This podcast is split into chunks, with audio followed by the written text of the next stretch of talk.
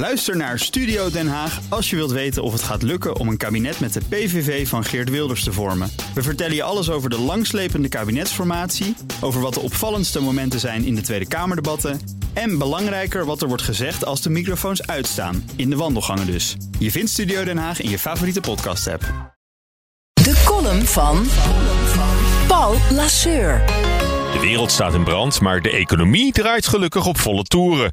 En is nu alweer groter dan voor de coronacrisis. Dus daar zal het niet aan liggen.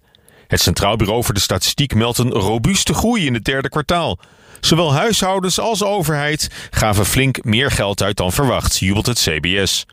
De groei is zelfs zo uitbundig dat het Financiële Dagblad met nog zes weken te gaan nu alvast een historische meevaller voorspelt voor het hele jaar. Want zelfs als het nu lopende vierde kwartaal straks onverhoopt een lichte krimp vertoont, wat best zou kunnen door alle coronamaatregelen, komt de economische groei in 2021 nog altijd uit ergens tussen de 4,2 en de 5 procent, schrijft de krant. En dat is deze eeuw nog niet eerder vertoond. Ook de werkloosheid trouwens is alweer bijna net zo laag als voor de uitbraak van het virus. Slechts 3,1% van de beroepsbevolking zit zonder werk. Ongekend goed. Sterker nog, er zijn momenteel meer banen beschikbaar dan werklozen om ze op te vullen. Bij gebrek aan werkloosheid is die enorme krapte op de arbeidsmarkt nu juist het grote probleem. Een luxe probleem wel te verstaan. Want amper 3% werkloosheid is toch fantastisch? Wie durft nu nog te beweren dat de voortschrijdende robotisering ons banen kost? Voorlopig is er meer werk dan arbeidspotentieel.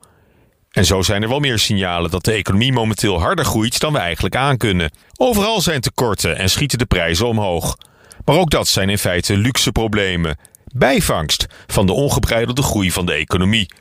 Natuurlijk zijn er beroepsgroepen, bedrijfstakken en ondernemers die niet meedelen in de vreugde. Maar met een scala aan coronasteunmaatregelen worden ook die er wel doorheen gesleept.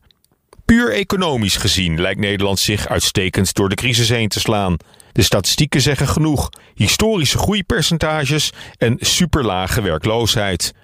Toch hoor je dit keer niemand roepen dat we in zo'n onwijs gaaf landje wonen. Het voelt ook lang niet zo goed als het eruit ziet op papier.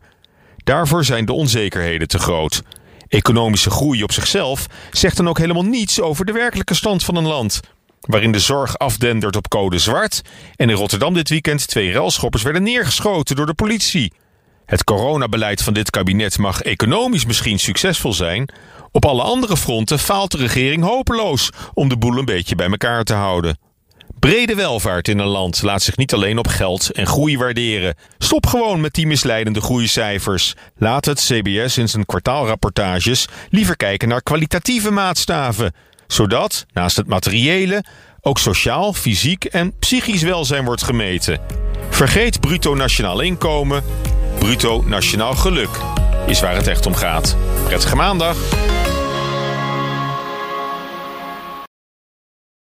Ook Diana Matroos vind je in de BNR-app. Ja, inderdaad. Je kunt live naar mij luisteren tijdens de Big Five.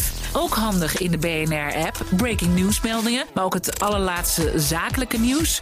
En je vindt in de app alle BNR-podcasts, waaronder Wetenschap Vandaag. Download nu de gratis BNR-app en blijf scherp.